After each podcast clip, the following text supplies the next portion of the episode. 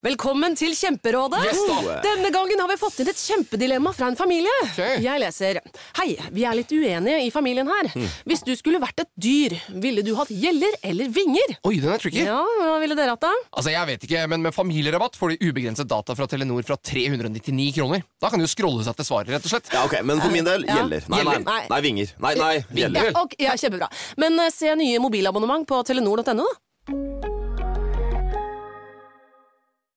Å ja da. Det er uh, The Alex Rosen Show. Åh, ja, Det er låter forresten veldig internasjonalt, det navnet ditt. ja, det gjør det. det Hvordan, er, hvordan introduserer du deg til uh, utenlandsktalende? eh, mine damer og herrer Nei, men det er jo norsk. ja, Ladies and gentlemen. jeg er Alex Rosen. Eller Alessandro Rosatos. Ja, ikke sant. Det er de to. Ja.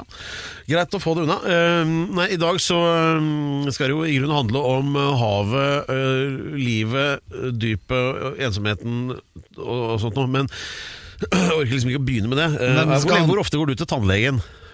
Det veit jeg ikke. Har du tannlegeskrekk? Nei, nei, nei, ikke i det hele tatt. Nei. Jeg har ikke noen skrekker. Men eh, jeg går til tannlegen hver gang jeg får et sånn beskjed om å gå dit. Og det er sånn en gang i året, kanskje. Ja, Du er jo som en sånn valp, du gjør det du- får beskjed om. Ja, og så er det det at jeg prøver å holde ved like kroppen og, og fasongen. Men jeg glemmer legen. Har jeg ikke vært. legen har jeg ikke vært hos på lenge, da. Nei, nei, det gjelder jo å unngå. Det har du vært. Ja, altså det, som er, det, det som pleier å skje når du går til legen, er at du får beskjed om at du er dårlig. Ja. Er er Hvem vil egentlig ikke høre det? Jeg har veldig vondt i ryggen. Da. Ja, jeg så i stad, du var jo stiv som ei likkiste da du kom Ja. til døra her i stad. Det Det har vært harde tider. Hva har du drevet med nå? Nei, det er det å våkne opp, da. Jeg har våkna opp i dag, da. Ja. Nei, det er liksom reise deg litt brått fra sofaen. Det er liksom der Det- skaden ja, oppstår. Jeg må liksom starte med den armen for å få opp blodpumpa. Ja. Og når jeg kjenner at det liksom begynner å bli sirkulasjon, da kan jeg reise meg opp. Ja, det, er, det har jeg tenkt på mange ganger. der, det som avgjør at når du begynner å bli gammel på en merkbart vis, det er når du lager sånn gammalmannslyd når du skal opp i, av sofaen, eller inn i bilen. Sånn derre Oi! Når du begynner med det, da er det ingen vei tilbake, egentlig. Uff a meg. Ja, nei, det var jo veldig Men eh, nå, i dag da så kommer det en som jeg tipper at ikke driver så mye med akkurat det. da Sånn Jo, han er ganske stiv, han òg. Han er det? Ja. ikke særlig følelig. Nei. Jeg husker vi var på en sånn musikkbutikk i uh, Seattle i, uh, Ja, du var jo med dit du også. Jeg husker ikke farta hvorfor vi var der, men det var vi i hvert fall. Og Og så- vi var der for å møte han som fisker. ja, stemmer det. Han, Fisk. ja, Deadliest Catch, uh, Sig Hansen, stemmer det. Men i hvert fall så var vi på platesjappa, den legendariske en som ligger der. Og De hadde en sånn det, Og det skjønner jeg ikke hvorfor jeg ikke kjøpte den. Det var en sånn actionfigur av Johnny Cash. Men den var så stiv at det nesten ikke gikk an å bøye på den. det var en utrolig god idé. Ja, gammel, da. Sånn action cash. Ja. Nei, eh, greit. eh, Nå syns jeg du bare roter, Alex. Nå tror jeg vi stopper der, og så kommer vi tilbake til hvem gjesten er om litt. Alex Rosén Show. En podkast fra Radio Rock. Ja da, folkens. Det er uh, Alex Rosénshow. Uh, og nå blir det spennende. Og eh, av en eller annen bisarr årsak så får vi altså besøk jevnlig av folk som vi nesten Jeg skjønner ikke helt at de orker å komme hit, men for det er liksom bare på aller høyeste skuffe. Det er det fremste vi har. Så All- når mennesker kommer inn her, Alex, er ikke, Ja. blir, føler du deg ikke litt ydmyk? Ja, det gjør jeg. For, Ja. for nå har vi en av de største presangene vi kan gi det norske folk. Ja, det vil jeg si. Mine damer og herrer, denne mannen har vært på tre poler. Nordpolen, Sydpolen og Mount Everest. Han er den første i verden som gikk til alle stedene på beina. Han er utdannet jurist og var en stund advokat i Norsk Hydro. Han er forlagssjef og forfatter. Det er ikke dårlig. Han sitter på begge sider av bordet. Det er det som er best. Han sitter i Høyres eh, sentralstyre. Han har skrevet en kritikerrost bok om stillhet. Men spørsmålet blir liker han rock? Ta imot forlegger, forfatter og eventyrer. Mine damer og herrer, hold dere fast! Erling Kagge! Ja! Er, Erling, Erling, veldig hyggelig å ha deg her. Du, men du har vært på Nordpolen, Sydpolen og Mont Everest. Men har du vært på Graceland? Det har jeg rett og slett ikke vært, men jeg har tenkt meg en tur til Graceland også. Ja, For da mangler du jo kanskje den viktigste. Den fjerde polen. Ja, ja den fjerde polen. Ja, ja. Nei, jeg er enig. Jeg er, um, Jeg, er ikke, ja, nei, jeg har alltid vært veldig fascinert av Elvis. Ikke, på, Ja, for nye lyttere, altså Graceland er hjemplassen til Elvis. ikke like dypt fascinert som deg, tror jeg. Jeg husker vi for mange år siden diskuterte hvilke perioder av Elvis som var den mest interessante. Og da husker jeg du var veldig på den helt sent var det beste. Ja, helt, Når han hadde karateshow Ja, ja, ja. og veide 180 kilo. Ja, ja, ja. Mm. Hver gang han tok sidekick, så fikk han var- magen jeg mellom beina. Jeg var uenig den gangen. Jeg begynner å se at du kanskje hadde rett. Ja. Og og hvor, hvorfor? Nei, Fordi, fordi eh, det var jo mange som kunne synge som Elvis. Nei. Eh, nei, du kan jo si nei, da. her må jeg protestere. Men, eh, men, det var ikke men- mange som kunne synge som Elvis. Det- Skal- Jeg beklager på, på, på Si det er vegne av godt- Erling Kagge. Si det, si det, si det, si det er godt råd for ikke å ta betalt for. La meg, la meg snakke ferdig. Men, eh, men, eh, men eh, da tenkte jeg på begynnelsen av karrieren hans. Eh, Men sier ikke akkurat som Elvis, men, det er sånn, men ulempen for de som sang omtrent som Elvis, da, at de hadde sort hudfarge. Så Derfor kom de aldri frem. Men det er klart at etter hvert som historien og stemmen og han utviklet seg, så ble han jo mer og mer interessant. Ja. Også som kunstner og som person og i det hele tatt. Ja, og da ble Elvis Elvis. Så Altså, han, han klarte å legge sånn uh, feelings vet du, i, Han kunne levere hva som helst, og så ble det viktig. Altså, det har noe med innlevelsen å gjøre. Er, er, er, ja, ja, ja, altså, unikt, men jeg, jeg tenker liksom Etter nedturen eller nedturene, så, så, så ble det bare bedre og bedre. Ja. Jeg tenker Comeback-konserten på slutten av 60-tallet Ja. er helt fantastisk. Ja. Og derfra ble det bare bedre og bedre. Ja. Så jeg, jeg, skjønner poenget. Poenget. Men det har noe med kunst å gjøre. Det er jo stor kunst, på en måte. Det er det jeg mener. At han gikk fra å være en uh, fantastisk entertainer til å bli stor kunstner. Det, men det gjør du også. Du har også blitt Fra å være en sånn fyr som beiner rundt og skal prøve å komme til Nordpolen og sånn, så har du jo blitt opptatt av kunst, faktisk. Ja, ja, ja. Opptatt av mye. Jeg tror det er mye av meningen med livet, er jo å utnytte de potensialene man har. Eh, som vi alle har. Vi har jo forskjellige potensialer, men eh, noen av dem vi har. Så det, det prøver jeg også. Ja, jeg Jeg ja, det har du virkelig gjort. Bare, bare for nesten å gjenta litt det Alex sa. Da, så, du er jo sånn irriterende vellykket eh, for, som, eh, for, for oss som er litt smålige. Blir litt, blir litt med mest laget. Sant, altså bare, for, for det første sånn advokatutdannet. Der hadde mutter'n vært fornøyd. Og så, og så liksom disse. Først. Førstemann på alle tre poler alene, og, eh, og, så, og så kommer hjem Nei, jeg må vel drive med noe. Bang! Altså det vellykkede forlaget, og eh, skrive bøker som blir kritikerrost. Og, ikke sant? og det er jo sånn at eh, For oss andre som er litt makelig anlagt, så kan det være litt mye å svelge, da. Ja, det makelige, vet du, det er ikke bra. Nei. jeg, jeg hører du sier det, men uh, selv mener jeg det er ganske behagelig. Men, uh, Nei, jeg, jeg, tullet, jeg, jeg ser den. tullet, jeg tullet litt, altså, beklager det. Men nei, for jeg tror at innimellom så skal man selvfølgelig være makelig. Uh, men, eh, men, men det er viktig å komme seg opp om morgenen. Ikke hver dag, men ganske ofte iallfall. Ja. Men har, har du en sånn filosofi sånn i forhold til det Jeg tenker bare at bedriftene dine står for seg selv. Altså det å bare få til alt dette her betyr jo at man har en drivkraft som er unormal. Eller tenker du ikke sånn på det selv, kanskje? eller? Nei, jeg tenker ikke sånn på det selv. eh, Men, men, eh, men allikevel, når du sier altså, sånn, så Jeg er jo enig i det. Eh, Jeg tror sånn generelt at hvis du har hatt det altfor lett i livet tidlig, og det har vedvart lenge gjennom barndommen og ungdommen, så har man jo ikke så veldig mye mer å kjempe for.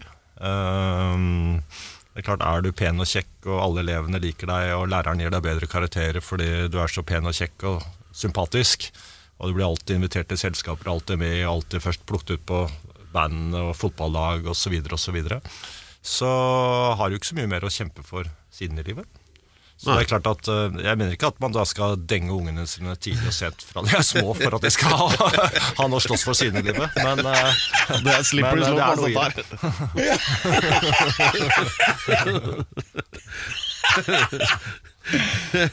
Ja, ja, hva, hva får du ut av dette, Alex? Nei, jeg Gi gleder meg. barna Jeg dine har mer så, vi har så mye vi skal snakke om. Ja. Og det, det er veldig bra start. Ja, jeg kjente i hvert fall at jeg må begynne å gi deg litt mer motstand, Alex. Dette er eh, Alex Rosénshow, og vi har besøk av selveste Erling Kagge, som har et armbåndsur hvor det på baksiden er inngravert eh, både Nordpolen, Sørpolen og Mount Everest. Og i løpet av eh, ja, nå får vi snart høre hvor lang tid, så skal det inngraveres også Graceland der, går jeg ut fra. det gleder jeg meg til. Altså. Dra på Dra på sånn chartertur til Graceland med Alex Rosén som guide, det hadde vært toppen. Også. Ja, det hadde det, Ja, ja. faktisk. Ja, Det hadde eh, faktisk blitt solgt. ja, da, Ja. Da, da hadde ulikt da du var på Everest, hadde jeg tatt med oksygenflaske da, i hvert fall. Ja, ja, ja. ja. Nei, men Se der Elvis satt med Magnum 44 og skjøt et stykke TV-apparater. og Det er klart, det har vært helt fantastisk. Ja, for det er faktisk hull i veggen rett bak. Det er det, ja, det altså, Jeg har skutt med Magnum 44 selv. Det blir høl i veggen av det. Ja, For da skjøt du isbjørn. Ja, Så akkurat vegg bak, da. Men uh, Børge, Ausland og jeg vi traff en isbjørn på vei til Nordpolen. Hva skjedde? Måtte bøtte med livet. Var veldig redde, følte ikke redsel, men etter at den var død, så sto vi og skalv begge to. Så det er klart at vi hadde vært veldig redde. Ja, men Var den på vei inn i teltet, eller? Nei, på vei mot oss. Vi var utenfor teltet, var i ferd med å slå leir. Så det er klart at eh, isbjørn ser pen ut på bilder og sånn, og på avstand. Når det kommer mot deg for å spise det opp, da, da er det alvor. Ja. Da er det, hvem, hvem skal hvem til middag? Jeg hadde jo Ja. med Dyrenes konge når jeg møtte isbjørn. Han begynte bare å kommunisere med den. Dyrenes konge, hvem var det? David i, på Berserken. Oh, ja, ja, ja, ja. Og så kom isbjørnen løpende, og den knurret og var forbanna. Ja, ja. Og så han begynte bare å synge opera samtidig som han kommuniserte. Ja, ja. Du vet at Så lenge isbjørnen eh, ikke er skrubbsulten, eh, så går det. Hvis du er sulten og tenker at du er en litt uh, annerledes sel, da kan du synge så mye du bare vil. Ja, de er jo, men, men altså, sånne, de er jo enormt digre, er det ikke det? Eller sånn, Jo, de er og jævlig sterke ja. eh, og brutale. Så det er klart at, Og så er de nysgjerrige, så de kommer jo nær. Men det er klart på Svalbard og fleste steder så er det jo stort sett ganske mye å spise. Ja. Men den vi traff, var langt inne på isen, altså helt oppunder Nordpolen. Ja, for den, den, den revolveren, Magnum 44, det, det er vel ja, Eller som Dirty Harry sier, the most powerful handgun in the world. Rett og slett. Så, men, men det er nok altså med én sånn kule? Come on, Teddy, make my day. So you gotta ask yourself, punk, do I feel lucky? der den Punk, kommer. punk, ja, ja, ja. Det er, uh, jo, jeg men, kunne uh, hele den filmen utenat, faktisk. Det sier jo ikke så mye der, da. Men uh, jeg kunne stort sett alt og yngre. Ja, men det var en legendefilm. En fantastisk film, da. Det er jo helt utrolig. Ifølge, ifølge eh, Det er en sånn der legendarisk eh, rekvisittfyr i Hollywood som har lært opp alle disse stjernene til eh, liksom, å stå riktig når de skyter på film og sånn. Eh, og de bruker løskrutt, så det smeller jo bare. eh, Ikke sant? Men han sier at det er, i historien så har det bare vært to skuespillere som ikke blunker når de skyter. Den ene var Jul Brynner, og den andre er Clint Eastwood. Ja. Alle andre blunker. Ja, ja ikke sant? Så jeg sitter med DVD sånn frame by frame og setter det. Det stemmer faen Ja, det meg. var det når du var, når du var stuntmann for å skyte med løskrutt for ikke å blunke. Da, det er sånn Roger Moore-type. Han tenker jeg, han blunket ganske mye. Han var litt nervøs. Ja, litt soft type. Men hvordan er du som type? Mm.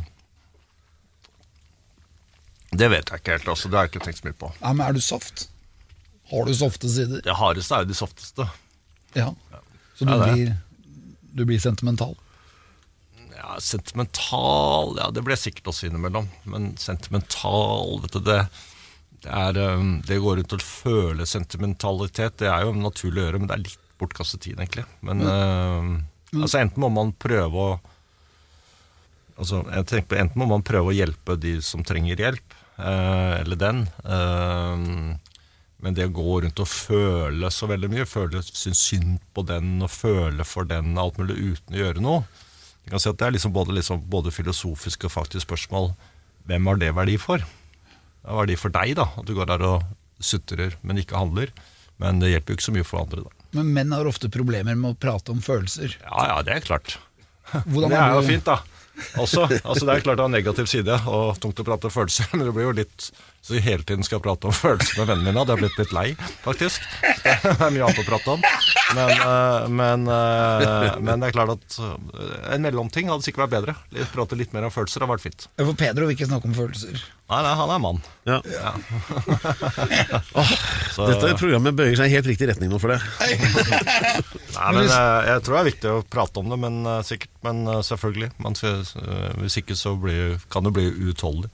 Men, eh, men eh, det blir sånn så sett ned på sånn gutte, ting gutter prater om. Men, eh, men, men jeg gjør ikke det. Hva, prater om følelser?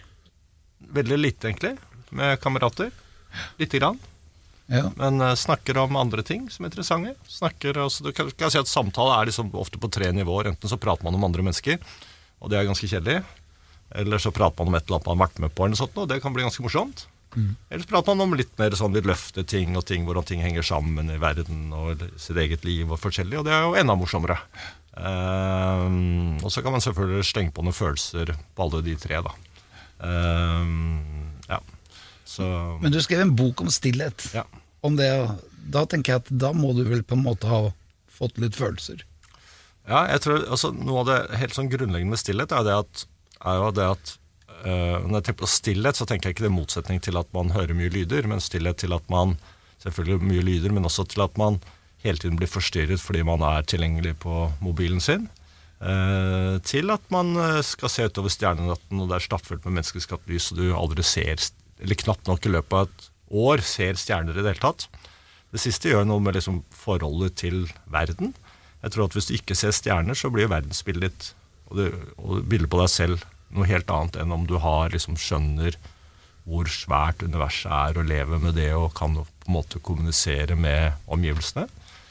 Eh, Så alt dette tenker jeg på som støy. Altså, men så største støy i dag er selvfølgelig at man hele tiden er tilgjengelig. Eh, og så bruker da folk som er litt yngre enn oss, de bruker jo sikkert vi også snart tre-fire timer om dagen på å se ned på telefonen sin. Og så kan du si at hvis du da lever til du er par og 80, så blir det sånn omtrent sånn pluss-minus da, 13 år av livet ditt, natt og dag. Du sitter og ser inn i en skjerm. Og det er klart at, at da folk, og det tenker jeg på som støy, eh, og da folk klager på at de er lei seg, ensomme, frustrerte, føler at livet er meningsløst, du blir deprimerte, selvfølgelig, det er et sunnhetstegn. Det er grunn til å bli deppa hvis du sløs, kaster bort livet ditt. Eh, så det er det jeg har, har, har skrevet om. Det motsatte er jo stillhet. Og det er jo, det minst, det er jo ikke så komfortabelt.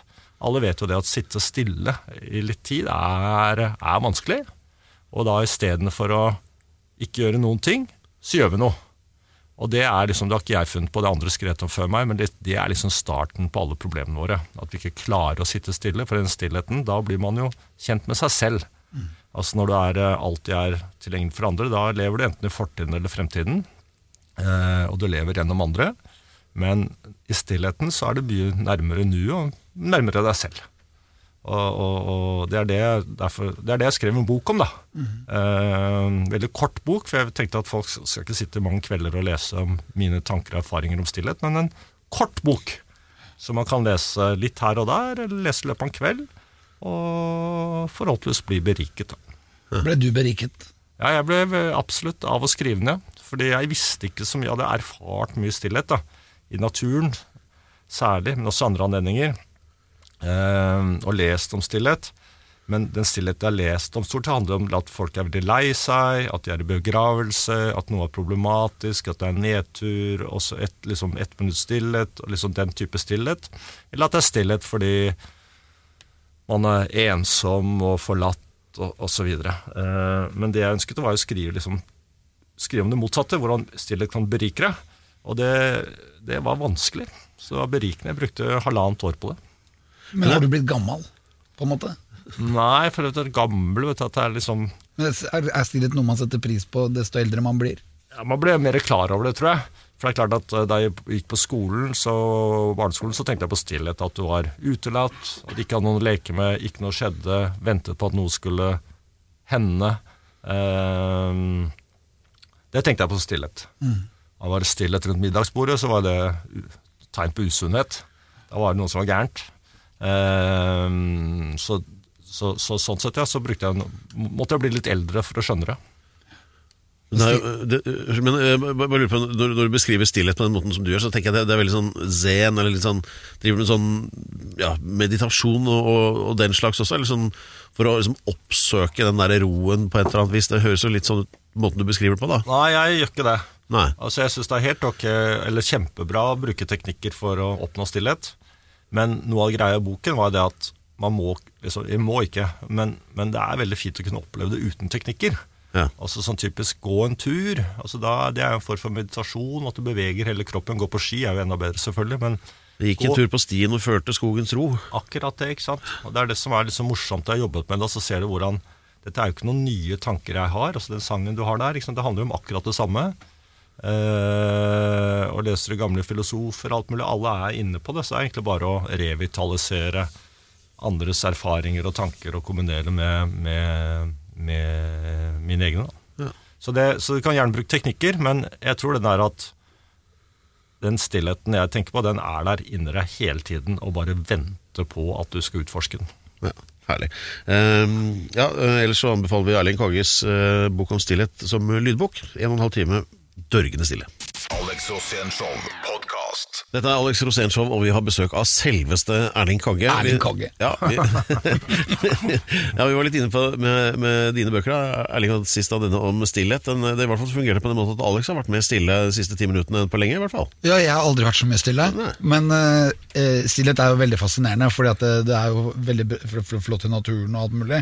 Men nå kan du jo kjøpe sånne øretelefoner, vet du. Som Ja, gjør det helt stille. Ja, ja. Har du det? Nei, det er jeg ikke. Jeg er ikke så, sånn gadget-type, egentlig. Så hvis folk har glede av det, så er det sikkert det kjempefint. Men jeg tenker at problemet er ikke at først og fremst at det er biler som kjører forbi og lager lyder, og noen som prater. Problemet er det der at vi blir forstyrret absolutt hele tiden. Av all, all mulig forskjellig form for støy. Ja. Og da, men har du ADHD? Nei, men det er jo Nei, det er jeg ikke. Ja, For de liker ikke å bli forstyrret, for de må få med seg alt. Ja, ja, sånn. ja. Noen har jo, jeg tror eh, I Norge er det jo veldig mange som har ADHD. Så, eh, og så alle sånne diagnoser Diagnoser går jo i trender. Eh, Så nå har det vært en lang periode hvor folk får ADHD-diagnose. Og åpenbart at noen har jo ADHD, og andre har det ikke. Som også har diagnose. Men har du lyd på telefonen da? Når den ringer, piper det da? Eh, Jeg prøver å skru av lyden så ofte som mulig. Ja. Men, eh, men jeg også blir hekta på mobilen og noen ganger så googler jeg et eller annet, og så finner jeg svar, og så 20 minutter etterpå så sitter jeg og googler fremdeles. Eller sjekker nyhetene på en eller annen nettavis tre ganger i løpet av en time. Det er bare totalt idioti. Jeg gjør allikevel innimellom, da. Men når du kom opp til Nordpolen, og du ble det stille da? Det er ikke ja, Det er stille, stille i huet, på en måte, men, eh, eller, da tenkte jeg en del da jeg kom frem. Hvis du tenker for mye, det er også en form for støy, egentlig. For når du tenker, så tenker du på fortiden eller fremtiden.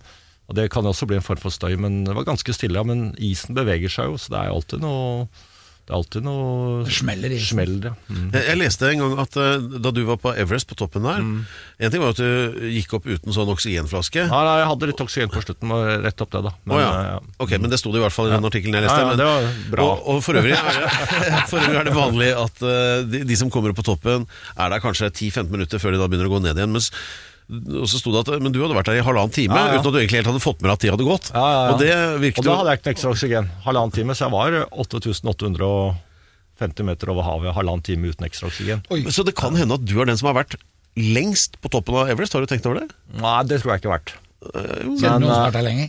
Nei, jeg tror ikke jeg kjenner vært svart lenger. jeg har faktisk kjent en, men han er død, dessverre.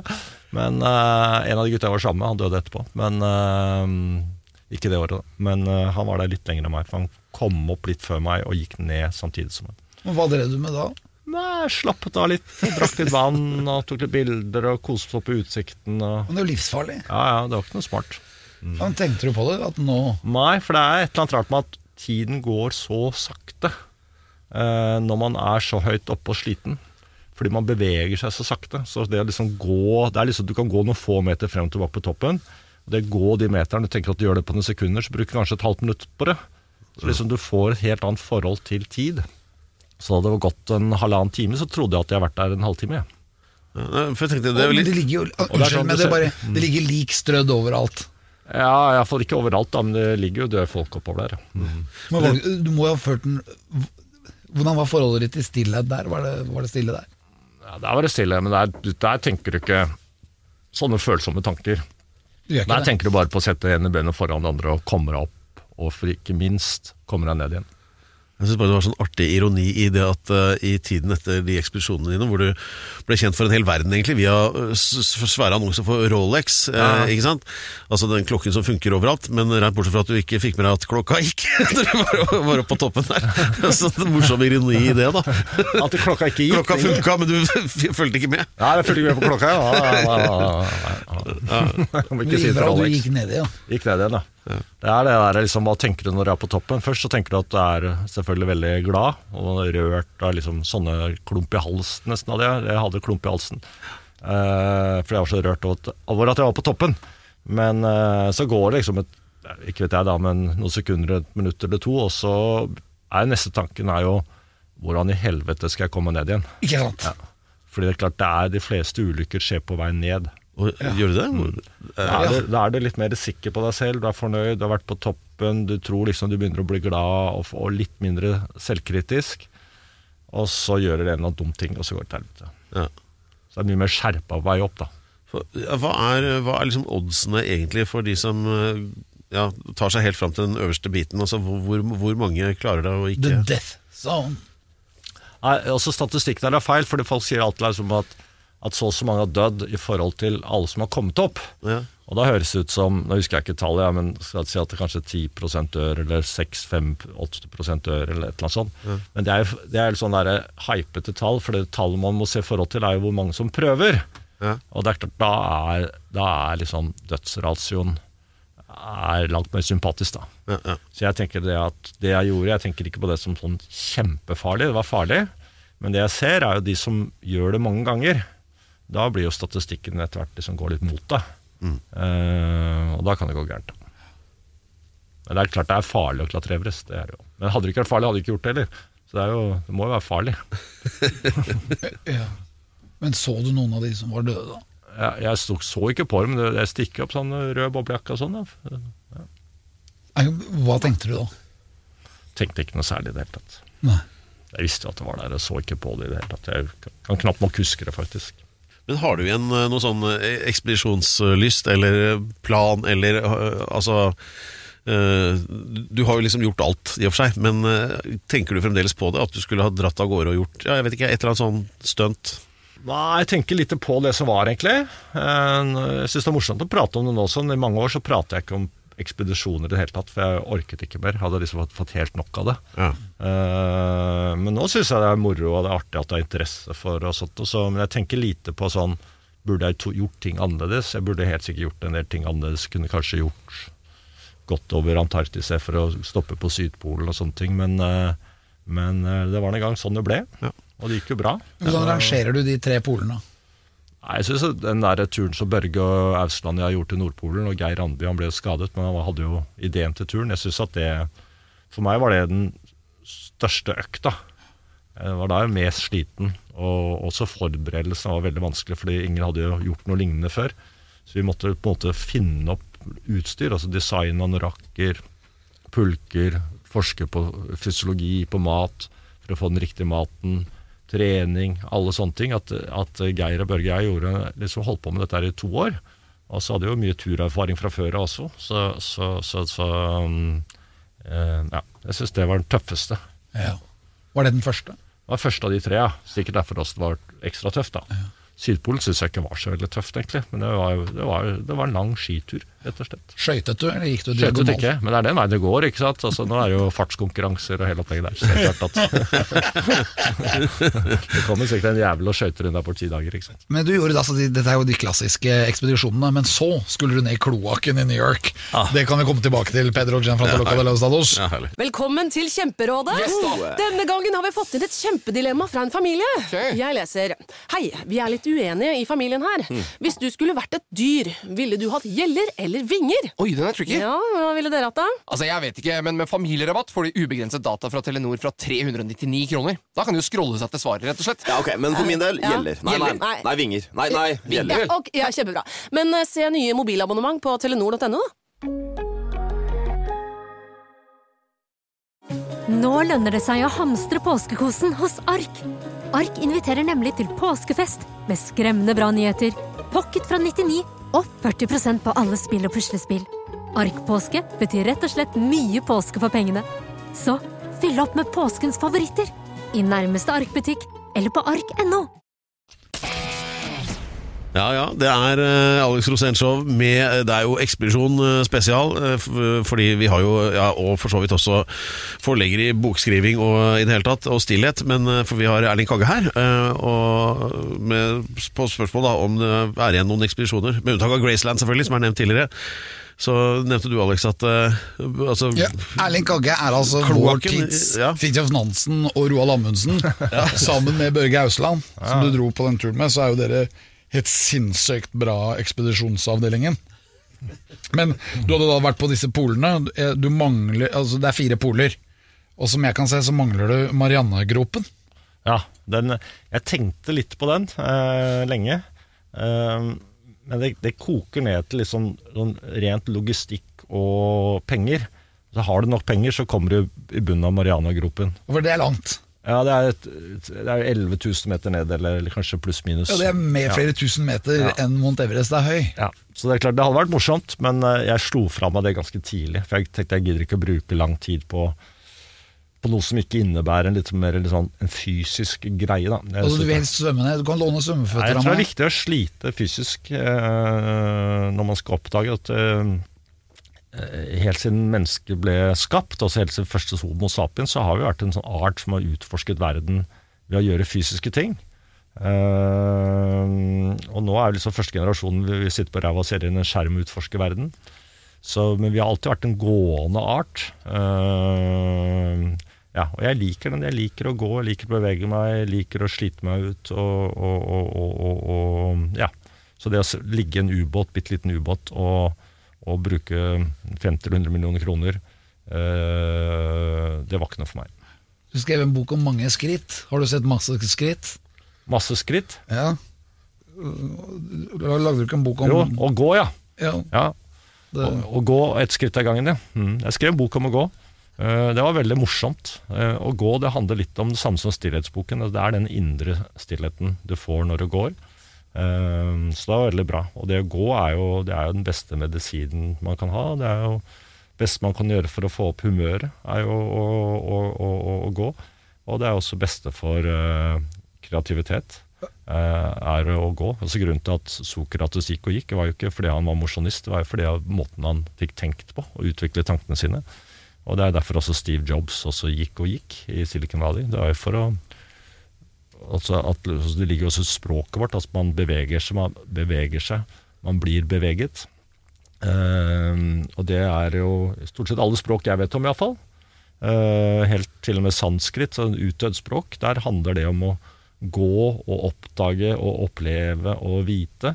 Det er de samme ordene som går igjen. går du fortsatt mye? Ja, absolutt. Hver dag? Ja, eh, ikke hver dag, for jeg er ikke, det er ikke religion for meg. Liksom. Det er ikke sånn at jeg må sånn fem ganger om dagen venne meg til Mekka, eller liksom, må gå sånn sett. Men, men, men, eh, men jeg går så mye jeg kan. Og det er akkurat jeg tenker på det også, apropos det med Mekka, venne seg til Mekka fem ganger om dagen, at jeg tror det som er liksom veldig bra med den skikken, er at da får du stillhet fem ganger om dagen. Så den der som eh, er veldig eksotisk for oss, da, at eh, folk ber fem ganger i døgnet, at det har mye positivt ved seg også, tror jeg. Da, da får du en pause. Men må du gå alene? Ja, nei, jeg går jo ofte og sosialiserer. I stedet for å sitte og ta glass eh, eller kopp kaffe, et eller annet sånt, nå, så går en tur i stedet. Du vil oppfordre folk til å gå litt? Absolutt. Og du vet at sånn også, også det, å- det, å ikke gå, det er, det er så kørka å ikke gå at jeg, jeg liksom du må nesten du må, ikke, du må ikke starte meg engang på det. For det, da går alt Da begynner du bare å gå! Da, da, bare- da, går jeg, da går jeg ut av studio. Nei da. Kan få gå litt rundt miksebordet her, da. Men uh... Men så, så gikk du altså Nordpolen, Sørpolen, Mount Everest, ikke Marianegropen, men så skulle du gå på en ny pol. Og da snakker vi om kloakksystemet i New York. ja. Uh, hvordan var stillheten der? Altså I New York så blir det aldri helt stille, fordi veldig mye i New York handler om å tjene penger. En veldig kommersiell by. altså Jeg digger New York, så det er ikke noe kritikk, men det er bare sånn det er. Uh, og, og Skal du tjene penger, så lager du mye bråk. Uh, så i New York er det bråk overalt, egentlig. Til og med langt inne i kloakkrør. Selv da så hører du jo liksom innimellom at en lastebil dunker ned på et kumlokk, og det skingrer, eller at du hører en T-bane i en tunnel litt bortenfor. Ja, så det er alltid, alltid, støy, alltid støy i New York. Ja, men Hva var målet når du skulle gå i kloakken i New York? Målet var liksom litt mangeartet, men, men, eh, men lang historie kort. At jeg hadde lenge en idé om å krysse New York under bakken. Eh, for jeg hadde hørt det bodde folk der. At det var eh, sånn På 90-tallet så var det litt sånn tilløp til samfunn. At det var ikke bare én og tre sånn oddball som levde, men til og med folk levde litt i grupper. Det ble slutt på, men, eh, men eh, noen hardcore folk ble igjen. Så det var egentlig en sånn oppdagelsesferd å se hvordan New York ser ut hvis du hadde snudd byen opp ned, rett og slett. Eller se New York på vranga. Og, og, og, og se at på en måte, alt som skjer over bakken, blir gjenspeilet under bakken. Så det var, en, det, var på en måte en klassisk oppdagelsesferd. Og vi, eh, Steve- Møtte du folk der? ja, ja, ja. Han Steve Duncan, uh, som jeg gikk sammen med var, Folk kom og gikk, men jo, vi gjorde hele turen. At vi hadde jo med sovepose og liggeunderlag og liten primus og sånn. Og dro ned i kloakken nord i Bronx. Og endte opp uh, i Atlanterhavet. Uh, men vi var altså over bakken mange ganger, fordi vi ville bytte tunneler og se forskjellige tunnelsystemer. Vi kunne jo bare gått en T-banetunnel hele Manhattan, men det hadde ikke vært noe spennende. Eller spennende, fordi du må passe på ikke bli påkjørt av T-banen, da. Men eh, det er ikke så mye å se på. Men, eh, men eh, Så vi var i kloakktunneler, vanntunneler, togtunneler, vanntunneler. Og byttet om og tok litt T-bane og drosjer sånn mellom de forskjellige stedene. Men hele tiden hadde sånn kurs mot Atlanterhavet. Så endte vi opp da ved, ved JFK, ved flyplassen der Norwegian-flyene Men så møtte du folk som bodde nedi der. Var Ja, ja. de bleke i huden? Ja, du ble ikke Ja. Eh, eh, Men, men når det er sagt eh, Vi møtte ikke så mange, men vi møtte, møtte noen få. Og noen har jo jævlig liv som bor der, selvfølgelig. Men eh, ikke alle. En jente som heter Brooklyn, hun kaller, kaller seg iallfall Brooklyn, hun sa til oss at hun har bodd der siden 80-tallet. Og altså hun er bare På meg virket eh, lykkeligere og morsommere enn mange av de vi traff over bakken. Og, og jeg spurte henne hvor lykkelig er du på en skala fra én til ti. Og da sa hun eh, syv, noen ganger åtte. Og greia det er at nesten hvem, du, hvem som helst du spør i verden det samme spørsmålet, så svarer de det samme. Ja. Hva svarer du selv? Nei, syv, noen ganger åtte, kanskje litt nærmere åtte enn syv. Men, men selv i Bagdad under verste krigen nå for noen år siden, så var folk oppunder seks eh, på det. Men trikset er, du må ikke få lov til å tenke det om. Og så raskt folk tenker om de er lykkelige eller ikke, da føler de seg ulykkelige. ja, spør meg, da. Ja, nå kan du tenke deg om, da. Men, så, så, spiller det ikke rolle. Men greia er at, greia er at eh, det var en filosof som skrev den gang at, at, at, at hvis du spør et menneske om det er lykkelig, og lar det få tenkt seg litt om, da vil jeg alltid si at de ikke, er. At de ikke er lykkelig. Nei, at de ikke er lykkelig. Fordi da, da begynner du å tenke på at bilen som har gått i stykker, eller et eller annet, eller kona er sur, eller ungene er gærne, eller du er redd for å miste jobben, eller du er sjuk, eller bla, bla, bla. Alle sånne eh, vanlige problemer alle har. Ja. Og da er du ulykkelig. Ja, for jeg tenkte Jeg lata som jeg ikke fikk tenkt meg om, da. Mm. Og da tenkte jeg at jeg var ni. Ja, ja, ja. Mm. Men så fikk jeg tenkt meg om, Mm. så var jeg kanskje sju. Så det gjelder å ikke tenke så mye, altså. Jeg tror ofte at man tenker litt for mye. Ja. Du hørte det først her på Alex Rosén Show. Alex Rosén Show. En podkast fra Radio Rock. Peder fra Toloca de la Stados, wake up, wake up! Ja, eh, nei, altså det er, jeg er bare tankefull. Vi er jo liksom eh, i Ekspedisjon spesial her med Erling Kagge og det hele. Men jeg er over i mer sånn eh, filosofisk-eterisk avdeling her nå, Alex. Ja, for at jeg tenker sånn Første gangen jeg møtte Erling Kagge, da skulle jeg rekonstruere Roald Amundsens uh, oppdagelse av Sørpolen. Når han gikk, og da, var jo, da fikk du den feteste rollen. Ja. For du var jo Roald Amundsen. Jeg var rett og slett Roald Amundsen. Takk for den. Ja.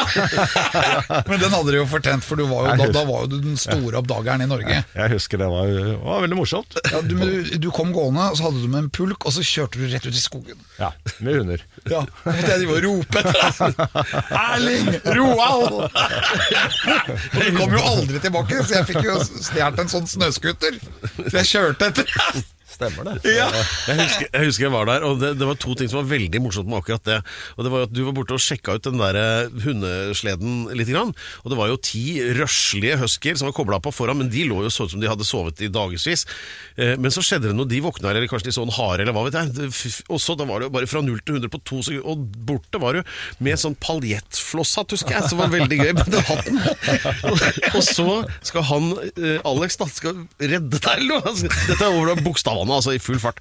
Og han med den snøscooteren som gikk veldig fort, og kaster seg på og kjører av gårde. Men, eh, og hadde ikke tid til å fjerne han som satt og slappa av litt der, og det var generalsekretæren for Fram-museet. Så han var vel rundt 80 år. Satt satt der med sånn pelslue og ble bare med på Alex' redningsaksjon. i 200 km! Ja, det var han Berg, det. Han var jo en, eh, han var en flink og stram mann, han. Ja, jeg, var, jeg var ansvarlig for det NRK-opptaket der, så jeg sto der og så på det opptrinnet og tenkte at what can possibly go wrong? Ja, omtrent alt. Ja. Og så hadde vi Jamma Johansen også. Ja, ja, ja. Det var jo Lars Eikanger. Han kom altfor seint til opptaket, så vi skjøt den med en gang. Han, han gjorde det ikke selv. Ja, jeg husker bare at generalsekretæren for Frammuseet etter hvert når han fikk igjen pusten, så kunne jeg erklære at det var, det var, denne rekonstruksjonen hadde klare mangler, men da Berg var en fantastisk kar, og Lars Eikanger er jo neste legende. Så- Ja, ja, han er legende, faktisk. Men det er jo du også, Erling. Men det jeg tenkte på, er jo det at uh, en, i starten av disse møtene jeg hadde med deg, når jeg egentlig ble kjent med deg, så hadde du alltid med deg Arne Næss. Ja, ja, Han, han skulle jo bokse. ja, ja, ja, ja, ja. han, han er kanskje Norges største filosof gjennom tidene eh, Han er nok i det, denne altså. avdelingen. Han er nok det. Eh, hvor kan denne fascinasjonen for filosofi Jeg vet at Den har alltid vært der, tror jeg. Altså, jeg tror alle er jo Alle er jo født filosofer. Alle er født oppdagere i den forstand at først du gjør eh, Når du er liten, du vil lære å gå, og så raskt du lærer å gå, så går du ut av huset der du bor, og du begynner å lure på hva som er mellom deg og horisonten. Og så finner du litt ut av det, og da begynner du å lure på hva som er bortenfor horisonten. Og så går du og grunner på det, og så opplever du noe, og så tenker du litt videre på det. Eh, og da er du kanskje blitt to og tre og fire år gammel. Eh, så sånn sett så er vi jo alle født filosofer, ja. Eh, men så blir man jo korrumpert av familie og barnehage og skole og staten og kommersielle greier og venner og alt mulig. Og så blir man mister man dimensjoner, da. Så blir man mer og mer en, sånn, ja, færre dimensjoner. da. Ikke endimensjonal, det er litt å ta hardt i. Ja. Iallfall, jeg har beholdt det, da. Mm, Væren, gjøren og laden. Ja, ja, ja, nettopp. Så, så, så, så, stå på. Ja. Mm. Ja. Nei, så var jeg veldig heldig som traff eh, Arne Næss, eh, husker godt det, januar 1995. Og da ble vi gode venner, og så ble jo forleggeren hans. Og så var vi mye sammen på fjell og reiste sammen og hadde det helt fantastisk. Var du oppe på Gurgastein eller hva det heter? Ja, ja, ja, ja Tverrgastein, som vi ofte kaller det. Men, eh, men ja, jeg var mye der med Arne. Helt fantastisk. Ja. Og da holdt vi kjeft stort sett. Store deler av dagen holdt vi bare kjeft. ja, stillheten. Stillheten satt og leste og jobbet begge to, hvert vårt rom. Og Arne ville jo aldri ha det varmt. Nei, han likte ikke Eh, varme. Nei, nei, og ville, likte ikke å bruke ved. Så det var jo alltid på vinteren, eller på senvinteren og høsten og sånn, og vinteren, så var det grisekaldt der. Men det var, vanskelig, det var vanskelig å få ved opp dit. Ja, Det var det også, men det var litt sport i det òg, da. Så det var jo sånn gammel historie om Arne da han hadde med barna sine opp der. Så tok han og satte dem i hver sin lenestol og heiste dem opp under taket, for da var det litt varmere. Hvordan var han som type? Han var fantastisk, vet du. Humor, hu masse humor, enormt kunnskapsrik. Veldig sjenerøs med erfaringene og tankene sine. Jeg tror jeg var heldig jeg traff han sent i livet, at han da hadde på en måte kommet seg ned fra Elfenbenstårnet og begynt å interessere seg mer for mer vanlige folk, da. Og hva vi andre er opptatt av. Så jeg tror tidlig i livet så var han mye mer en hardhaug, så mye mer kravstor overfor vennene sine. Ja, Han var vel en fyr som også ville ta sånne ting som Mount Everest. Ja, han, ville, han, han var jo på Tirishmir på slutten av 50-tallet, eller rundt 1960 iallfall. Uh, som jo var en enorm prestasjon den gangen, så han var blant verdens ledende klatrere også i sin tid. Da. Han klatret opp historisk-filosofisk fakultet, da. Ja, ja, han, er- ja, ja. Og, du, det er liksom både humor og klatrekunnskaper og alt mulig. Ja, så, for meg, så for meg så ble han en veldig viktig mm, Viktig, eh, I tillegg til å være en god venn, da, ble en viktig inspirasjonskilde, rett og slett. Jeg, mm, eh, jeg tar meg å savne det å ha en og, sånn som han å prate med og diskutere med. Mm. Ja, fordi, men eh, For jeg husker jeg møtte han, og så øh, Når du møtte han, da Da var du akkurat ferdig med filosofiutdannelsen din, eller? Jeg skulle akkurat dra til, dra til England den uken etter, faktisk, og begynne å lese filosofi. Og da tok du filosofi i grunnfaget, da, eller? Nei, jeg tok ett år sånn uh, gjestestudie i Cambridge, England. Og jeg satt egentlig bare og leste filosofi og skrev oppgaver og diskuterte filosofi. Og, og hang med andre studenter. Da. For jeg møtte han via deg, da. Ja, mm. Så, og det var helt utrolig. Jeg hadde jo flere samtaler med han.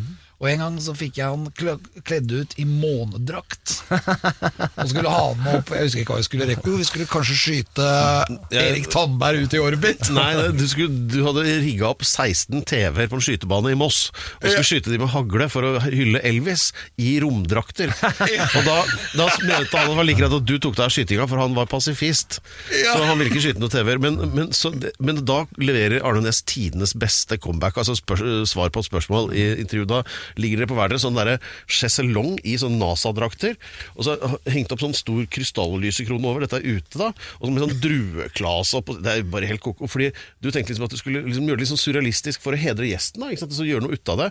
Og så i et øyeblikk sånn ettertenksomhet så sier du til Arne Næss at det her syns du kanskje er litt fjernt, eller? Sier du til han. Så svarer han dette er bagateller for min fantasi. Der har du det, altså. Det bare punkterer hele situasjonen. Det husker jeg var så mesterlig. Men så bra svart. Ja, det var helt fantastisk. Han burde jo vært diktator i Norge i tre-fire dager. Ja, gjerne. Alex eh, Rosén-show eh, tøffer inn på endestasjon Nei, det ble- Men eh, vi runder vel i hvert fall av den der filosofiske hjørnet. Eh, Erling Kagge, vet du forresten hva ordet filosofi hva det betyr? Altså, sånn, ja. Filosofia. Så kunnskap og kjærlighet, og kjærlighet til kunnskap. ja. Kjærligheten til visdom, som jeg pleier å si. Visdom, ja, og, og visdom er bedre ord, enig. Ja. Men og det er også viktig da, å tenke på at det er ikke konstant. Man tenker ofte på at eh, filosofi at det er en ting, og det er man, ikke sant? men det er alltid bevegelse. Og det er det også det filosofia bygger på, at det er alt, du er alt underveis. Jeg tenker alltid sånn at filosofi er eh, alle fag. Alle fag, helt enig. Det er alt, det er ikke noe Jeg er helt enig. Det er altså det å tenke. Det å tenke, tenke om tanker og tenke over erfaringer og sånn. Så er det, det som jeg sa litt, altså Vi er alle filosofer. Altså Ingen er nullfilosof. Enten er 0,1 eller 99,9. Jeg kjenner noe som er relativt nært. Men, så, men eh, filosofi, og så er det jo uh, være en gjørende og laden. Altså hvorfor er jeg, hvorfor fins sånne ting og sånn. Men så har du estetikken, det vakre, det skjønne. Og du er jo kunstsamler. Ja. Når og, og, og hvordan var det det kom til? Jeg tror alltid, jeg vet jeg kan ikke si at det alltid har vært det, men jeg, helt fra jeg var ganske i opp til tenårene, så husker jeg at jeg var nysgjerrig på kunst, og så var jeg nysgjerrig på kunstnere. Faren min hadde en onkel som var kunstner, maler, og han var, han var alltid litt morsommere enn alle de andre, da. Eh, trakk litt og fortalte artigere historier, og, og, så jeg syns han var en spennende type. Um, så det grodde bare på meg gjennom tenårene og, og 20-årene. Så jeg synes det for, jeg, så jeg er ikke noe sånn som har hobbyer, altså, men det, det, er liksom, det er litt livsstil. Altså, jeg syns det er eh, spennende. All type kunst? Ja. Eh, det er klart at jeg liker Jeg liker Altså, jeg liker jo det jeg selv mener er bra, da. Uh, som er veldig mye jeg mener ikke er så bra. Uh, så, men jeg er jo litt sånn opptatt av folk som liksom, kjøper bare det du liker. Og det gjør jeg ikke. Altså, eh, jeg er ikke så opptatt av det like, ikke like Du greiene. kjøper du ting du ikke liker? Ja, men jeg er ikke så opptatt av det like-greiene. Jeg tenker liksom det like-ikke-like-greiene har gått helt gale, Mathias. At folk er så jævlig opptatt av om de liker eller ikke liker noe. Også veldig mye handler jo ikke om om du liker det, det handler om det er nysgjerrig på det, om det er spennende, kan, øh, om du kan vokse med det, om du kan utfordre det, om du kan fortelle noe du ikke vet. Tjene penger på det? Ja, det Innimellom kan du det også. Det, det, er, det er enda vanskelig ja, ja, Det er omtrent like vanskelig å tjene penger på bøker som på kunst. Så det er ikke så lett, men det går.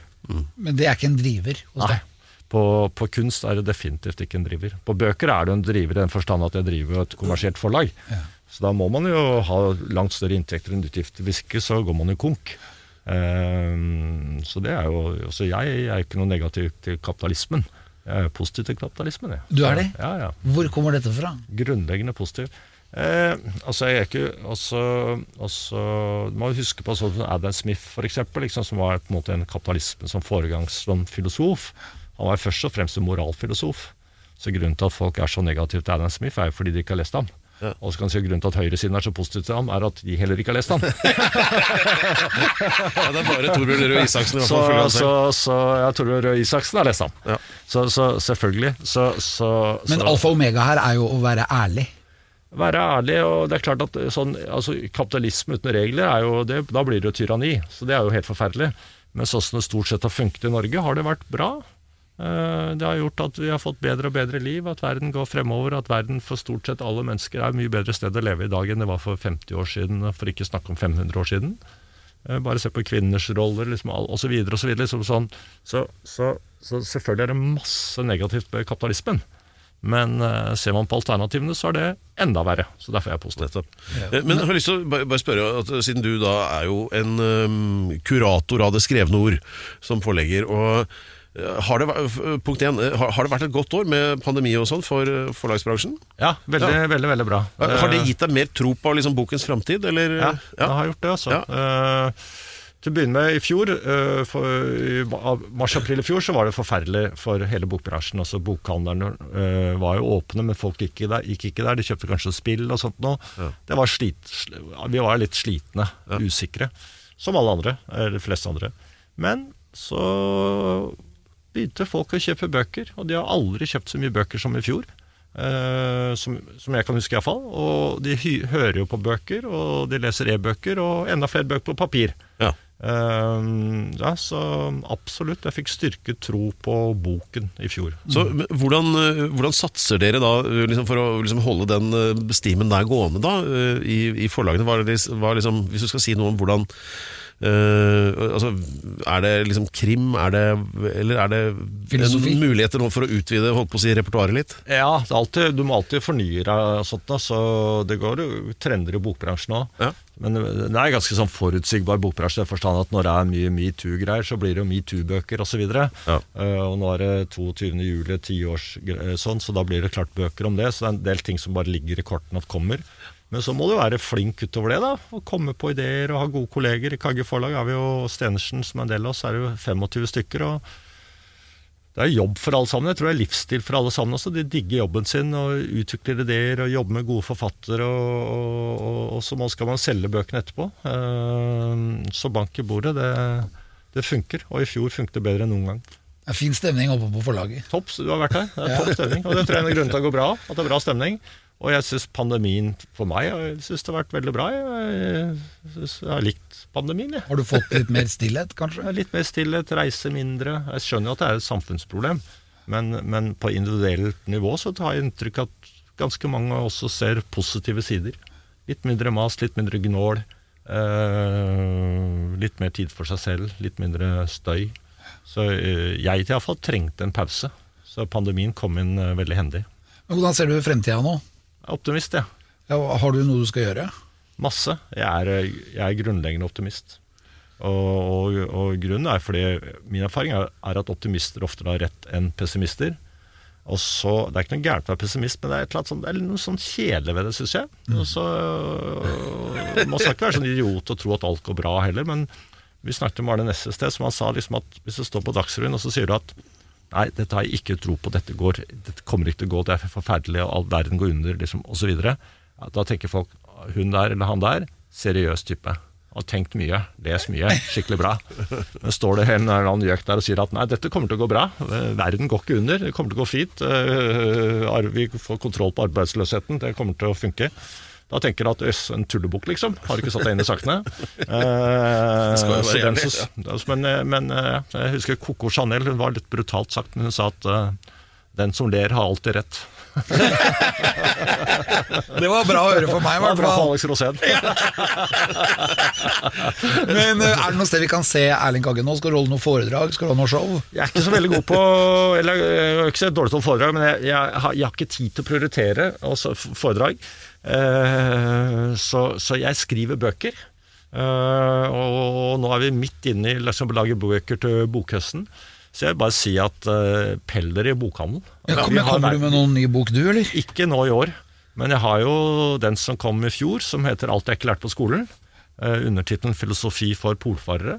Eh, og Den kom jo for mange år siden og kom en ny utgave nå, så jeg anbefaler jo den. da Ja. Uh, Og stillhet, som vi snakket om, og, og gå og sånt. Og det er uh, Jeg bruker mye tid på å gjøre det enkelt, egentlig. Å skrive få ord. Og, og man gjør alt man gjør av flere grunner, men hovedgrunnen til at jeg har skrevet disse bøkene, er at jeg føler at jeg har noe virkelig viktig på hjertet. Skriver du noe annet nå? Jeg pusler med det, men jeg er ikke noe sånn stor programhelt at jeg går hardt ut og sier jeg skal gjøre det og det. Nei, men Hinte litt, da. Sånn hva det dreier seg om? Nei, jeg prøver, jeg prøver å skrive litt an, noe helt annerledes egentlig nå. Uh, kanskje litt lenger, kanskje litt Få se litt på det.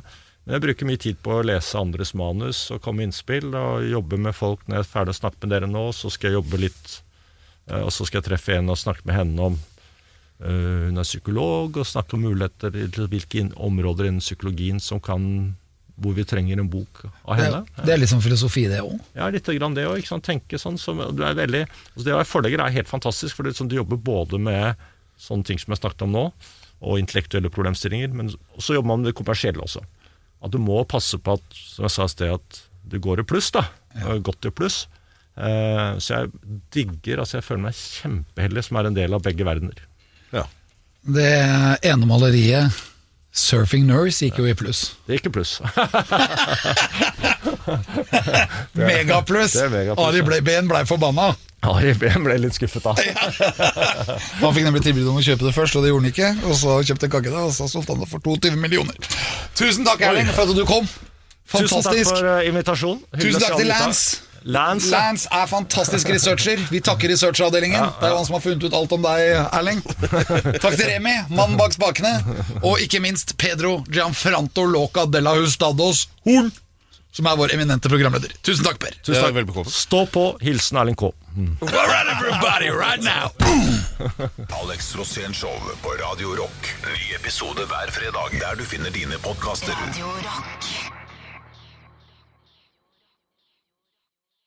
Velkommen til Kjemperådet! Vi har fått inn et kjempekleint problem fra Trine Lure 22. Okay. Jeg leser. De to andre i kollektivet mitt har begynt å date, og jeg syns det er veldig kleint når vi skal se på TV sammen, og de bare skal kline. Ok, ja, Hvordan skal hun løse dette?